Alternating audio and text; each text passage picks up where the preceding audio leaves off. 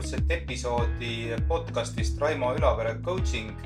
mina olen Raimo Ülavere ja täna räägin eh, sellisest tegelasest eh, nagu meister sabotöör ehk sellest, eh, kuidas me endale ise miine jalge alla paneme ja, ja endale tagasilööke genereerime.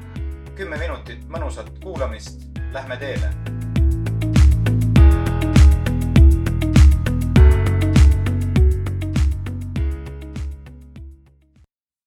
niisiis, räägime iseenda tagasitõmbamisest, endale takistuste ette loopimisest, enda sabotöörimisest. selle meie peades elava meisterliku sabotööri nimi võiks olla näiteks noh, kohtunik, sest ta tegeleb kohtumõistmisega ja ta elab, nagu ma ütlesin, meie endi peades nime ja järgneva jutu sain muuseas suuresti mõned aastad tagasi ilmunud raamatust Positive Intelligence kus on sees omamoodi toredad kirjeldused ja lood sellest, kuidas eri inimtüübid hüpersaavutajatest kuni realistide ja, ja ohvrihoiakuga inimesteni ennast ise sabotöörivad. et neil, no tegelikult meil kõigil äh, saab endale augu kaevamine alguse isiklikust kohtunikust. niisiis, kuidas kohtunik toimetab? no kohtunik paneb meid ennast kehvasti tundma, ta röövib meilt õnnetunde ja ta teeb seda järjekindlalt. kuidas? Otsides vigu, otsides vigu järjekindlalt ja otsides vigu äh, peamiselt kolmest kohast. meist endist, teistest inimestest ja asjaoludest ja keskkonnast. vaatame neid lähemalt. kuidas me endas vigu otsime? no ja nagu teada, kes otsib, see leiab. ehk siis ka, kuidas me vigu leiame enamikel inimestel äh, saab see alguse juba lapsepõlvest ja, ja kui me oleme täiskasvanud, on see meile sageli nii külge kasvanud, et äh, me ei pane seda mõnikord enam tähelegi. alles eile kohtusin äh, üht coaching'u programmi alustades juhiga, kellel on muljet avaldav jälg maha jäetud. ma ei räägi siin karjäärist ja positsioonist, ehkki ka see on tähelepanuväärne. räägin sellest, mida ta on koos oma meeskondadega aastate jooksul ära teinud. et sellest hoolimata ütleb ta, et ähm, tunneb jätkuvalt, et ta pole veel nagu päris juht, pole veel nagu päris liider. petja sündroom, ütleksid siinkohal ehk psühholoogid. praeguse jutu kontekstis on aga ehk ähm, midagi sellist, et ähm, tema isiklik töö, kohtunik tööhoos. kohtuniku kõige kahjustavam vale on jutt, nagu me poleks väärt armastust või austust teiste poolt olles lihtsalt need, kes me sel hetkel just oleme. see sunnib meid pidevalt tegutsema, et saavutada nii-öelda tingimuslik austus või, või tingimuslik armastus. kui ma olen selline, kui ma saavutan selle, siis nad või tema armastab ja austab mind. nagu öeldud, see loogika on sageli pärit lapsepõlvest, olukordadest, kui me saime piltlikult öeldes äh, armastust tunda ainult siis, kui olime äh, jutumärkides hea laps, mis iganes see siis ka tähendas aga tingimustega armastus või austus on pigem nagu komm hea käitumise eest. see pole päris armastus ega päris austus, see on rohkem selline piits ja präänik tüüpi asi. mida selline enese väiksemaks tegemine kaasa võib tuua? muidugi lisaks kehvale enesetundele ja pidevale endas kahtlemisele.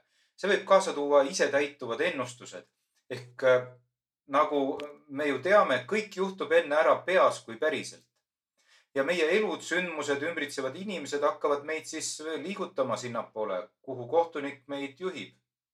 muidugi ei meeldi see jutt äh, iseenda aktsepteerimisest ja väärtustamisest tollele samale kohtunikule. see muudab äh, sind laisaks, ütleb ta. sa kaotad distsipliini, nendib ta. kui tegudel pole tagajärgi ja vahet pole, siis ei saavuta sa midagi, on ta päris kindel.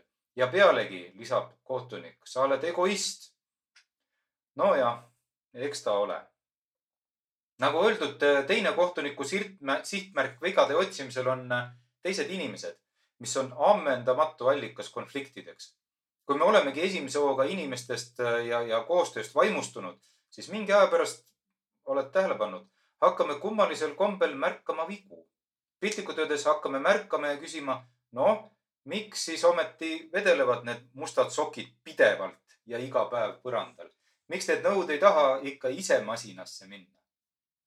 või siis äh, töö kontekstis, miks ta iga kord, kui ma mõne ettepaneku teen, ikka kulmu kortsutab? või miks ta alati hilineb? sellest, mis alguses tundus niisugune armastusväärne inimlik nõrkus, saab hiljem saatusliku kaaluga puudujääk, mille tagajärjeks on äh, lahkuminek kas perest, tööst, meeskonnast, sõpruskonnast. Kolmas kohtuniku teema on keskkond ja tingimused. see on sisuliselt kuulus õhtumaade haiguseks kutsutav hoiak. hakkan õnnelikuks siis, kui kui lähen pensionile, kui olen teeninud esimese miljoni, kui lähen puhkusele, kui tulevad jõulud, kui, kui noh, nimekiri on siin lõputu. aga igal juhul üks, mis kindel, hetkel ei saa olla rahul, rääkimata õnnelikuks olemisest. sest pidevalt on nagu ümbritsevas keskkonnas midagi puudu, mis omakorda on suurepärane eeldus, et saaks jätkuda jaht jaht selle millegi kättesaamiseks, mis äh, peaks tagama meile õnne ja heaolu. muidugi, nagu sa juba aimad, äh, kui me selle jahi, eks ole, lõppu jõuame ja midagi tõesti saavutame, siis võib see õnnetunne, noh, hea, kui me seda muidugi üldse tunneme, olla üsna üürike.